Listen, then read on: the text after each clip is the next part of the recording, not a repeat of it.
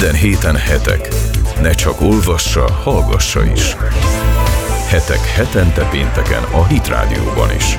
Következik a Hetek című közéleti heti lap aktuális ajánlata. Sziasztok, ez itt a Hetek magazin a Hit Rádióban, Gabra Gábor lapszerkesztő vagyok, és itt van a stúdióban a Hetek belpolitikai rovatvezetője Nagy Teodóra. Uh, hát uh, az Európai Néppártról szólt a hét, és a Fideszről. Um, mint a két különböző univerzumban lennének a, a, az értékelők. E, ugye azt e, győzelmi jelentések itt, győzelmi jelentések ott. E, hogy látod, hiszen ti csináljátok Kulifai Máté kollégánkkal a, a, a heteknek a, az Európai Uniós magazinját itt a Hit Rádióban. Hogy látod, kinek van igaza, amikor győzelmet ünnepel? Igazából ez is olyan, hogy, hogy nézőpont kérdése. Én nekem nagyon érdekes volt a, az, az egybőli reakcióknak a megnézése, meg másnap, hogy a különböző oldalhoz tartozó médiumok hogyan reagáltak, és nekem az volt a benyomásom, hogy hogy mindenki próbálja saját győzelemként, tehát mindegyik oldal, tehát az ellenzék az, hogy most itt a, a kormánypártot és Orbán Viktor térre kényszerítették, a kormányzati média meg azt mondja, hogy ez egy, egy totális, fantasztikus győzelem, és teljesen a, a szuverenitásunk letarolta a különböző birodalmi érdekeket, tehát hogy, hogy ez a kétféle narratíva uralkodik, és én szokásomhoz képest ezt mindkét oldalnál kicsit árnyaltabban nézem, meg látom, meg értékelem, mert, mert hogyha azt néz, tehát hogyha megnézzük az előzményeket is, és én nem gondolom azt, hogy például aznap, amikor a, a Gulyás Gergely azt mondta, hogy ha felfüggesztés lesz, kilépnek, ő ezt ö, zsarolási szándékból, vagy azért mondta volna, mert hülyét akar csinálni magából, hanem hogy ez, és egy csomó, hogyha néztük a különböző kormányzati portálokat, egy csomó olyan cikk jelent meg, hogy mennyivel jobb lenne a Fidesznek a néppárt nélkül és egy, tehát ugye el, elkezdődött egy... Egyébként, egyébként ebben van igazság, nem? Igen. Tehát, hogy a, a, azért azt, azt ki, ki lehet jelenteni, hogy a, az Európai Néppártnál hát identitás zavarosabb, szétfolyóbb és önmagával mit kezdeni, kevésbé tudó alakulatot most itt nem jut eszembe. Tehát nem, a, tehát hogy ez az identitásválság az biztos, Látunk Magyarországon is egy-két pártot szétesni, meg válságba kerülni, de, de az a helyzet, hogy, hogy, hogy amit az Európai Néppárt az elmúlt időszakban ö, művelt, az, az, az, azt még azt hiszem, hogy ilyen széteső magyar pártok is megirigyelhetnék. Biztos.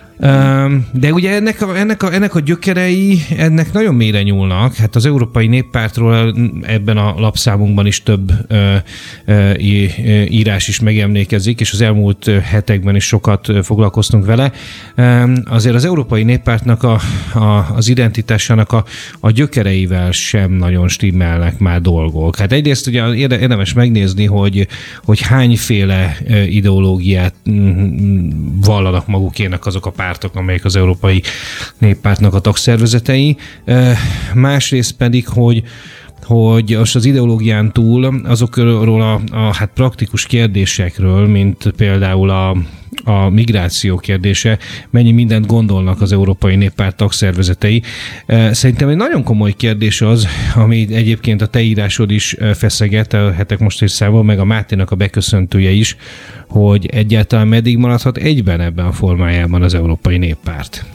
Ez egy nagyon nagy kérdés, csak most itt a gyökerekről beszéltél, és eszembe jutott, hogy a mostani lapszámban van a Púca Istvánnak is egy nagyon érdekes cikke, ami pont ezekről a gyökerekről beszél, és behozott egy, egy hát általam kevésbé ismert vagy elemzett részt, hogy annak idején, amikor alapították a néppártot, akkor is volt egy, egy katolikus lobby, meg egy úgymond református kávinista lobby a, a tevékenységek körül, hogy egyáltalán milyen irányba menjenek, és hogy akkor a katolikus lobby erősebb volt már az alapításkor, és ezt vissza lehet vezetni, tehát hogy erre, a, erre az ernyő szervezet típusra, tehát hogy nem egy, azért nem egy ilyen hardcore jobboldali pártról beszélünk, és hiába mondják, hogy keresztény párt, meg keresztény jobboldaliak, a nevében a néppárt európai néppárt, és nem európai keresztény néppárt, és, és hogy ebből látszik kifejezetten az, hogy a, ez, mint a katolikusoknál ez a integrálni, egységesíteni, egybeolvasztásra való törekvések,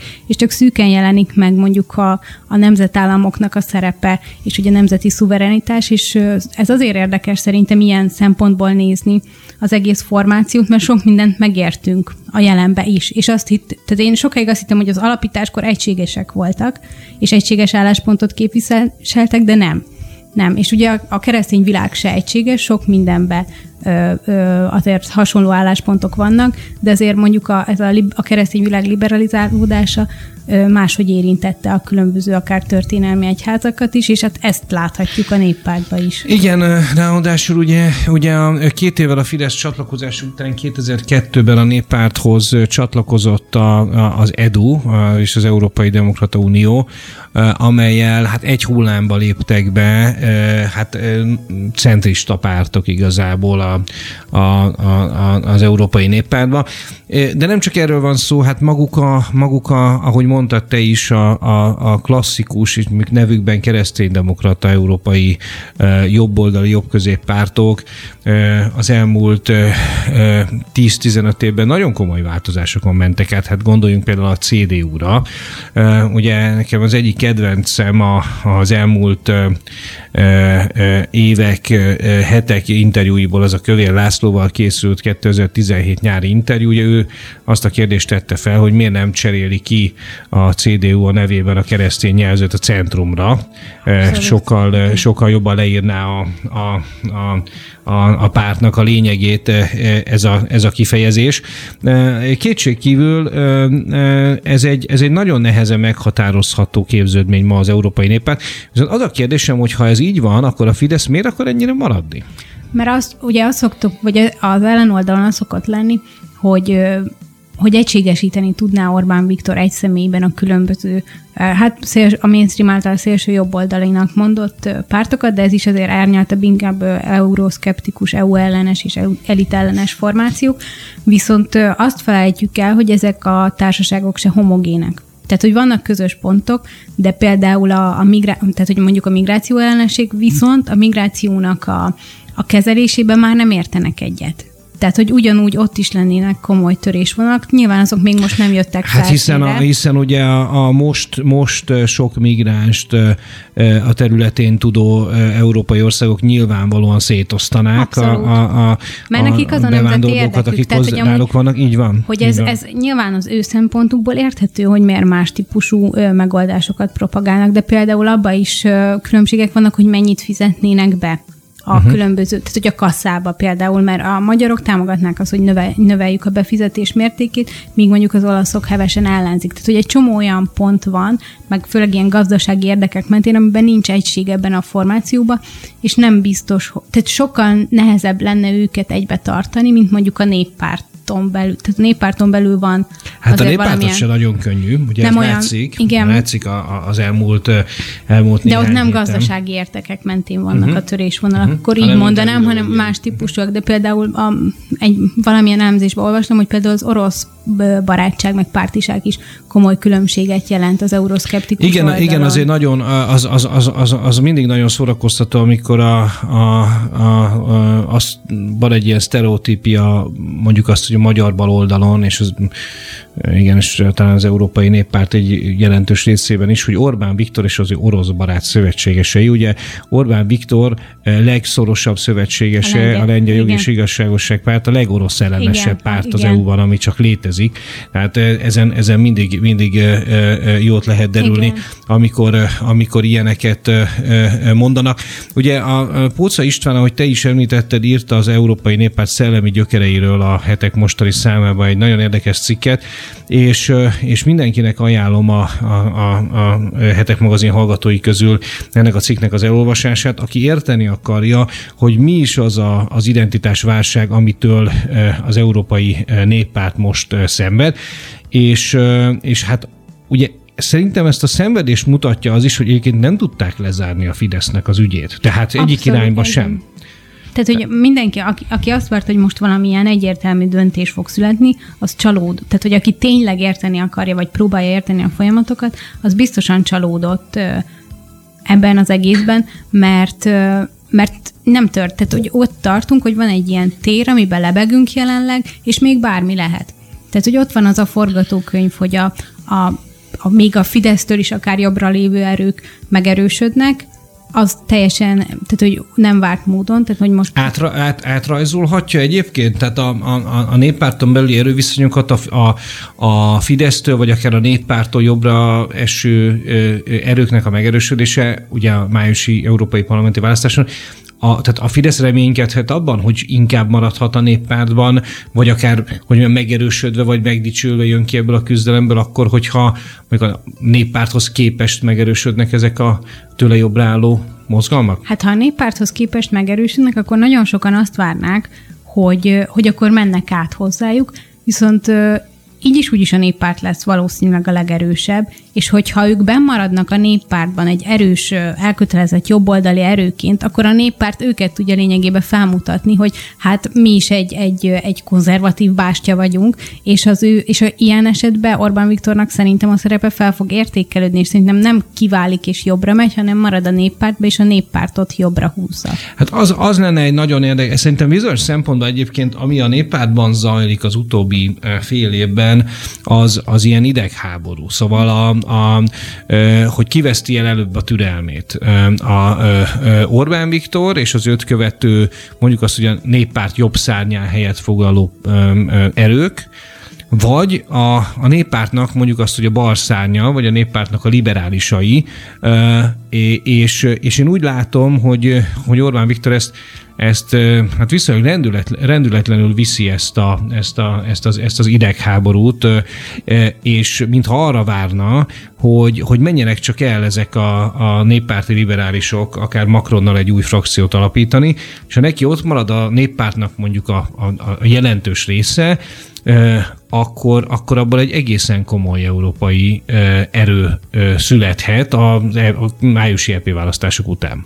Igen, ugye Macronnal nem nagyon foglalkoztunk mostanában, mert annyira néppártra koncentráltunk, de hogy időközben ő kijelentette, egyik csak ugye tárgyalások voltak a liberálisokkal, hogy, hogy nem a liberális európai pártformációba fog ő részt venni, hanem hogy még, még mindig keresi az ő mozgalma a helyét, ugye?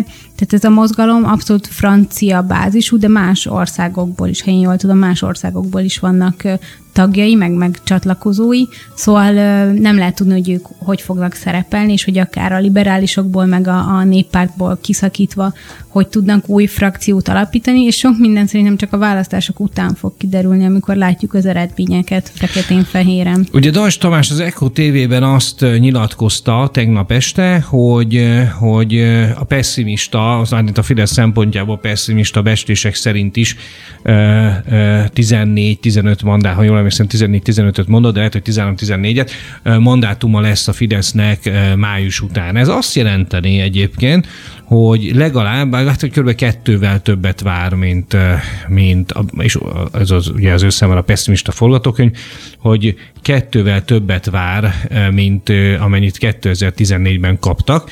Ugye utoljára, illetve pontosabban először és utoljára 14 mandátumot a Fidesz 2009-ben szerzett, amikor egy óriási győzelmet aratott a, az európai parlamenti választáson, majdnem 57 ot kapott. Tehát a, a, a szavazat arány, amit kaptak, az majdnem 57 ot ami elképesztő. Hát ugye, és ez egy teljesen arányos rendszer. Ez ugye egy teljesen mi... arányos rendszer, így van, azt teszem, hogy az 5% alatt végzettek, igen, azok igen. kiesnek, de az 5% fölötti esetében arányos a rendszer.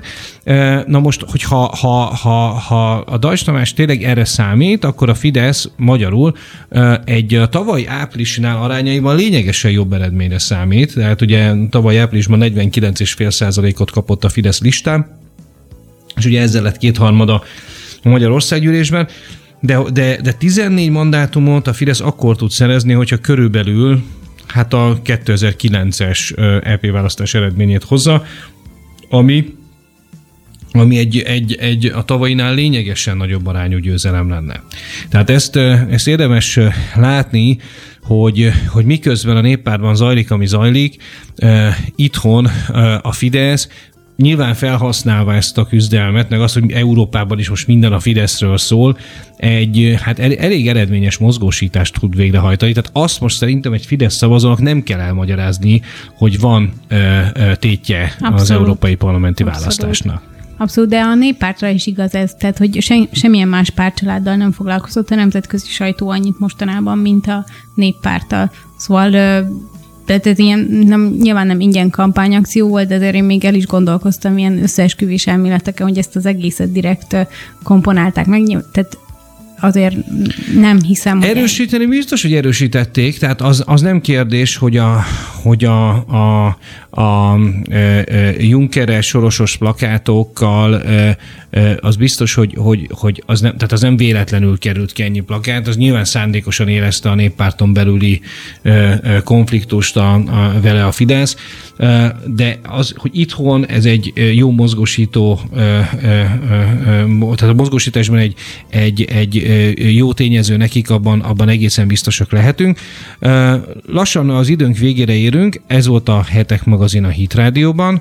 Köszönöm szépen Nagy Teodóra belpolitikai rovatvezetőnek, hogy itt volt. Nektek köszönjük a figyelmeteket, szép hétvégét kívánunk. Gavra Gábor a Hetek lapszerkesztőjét hallottátok, sziasztok!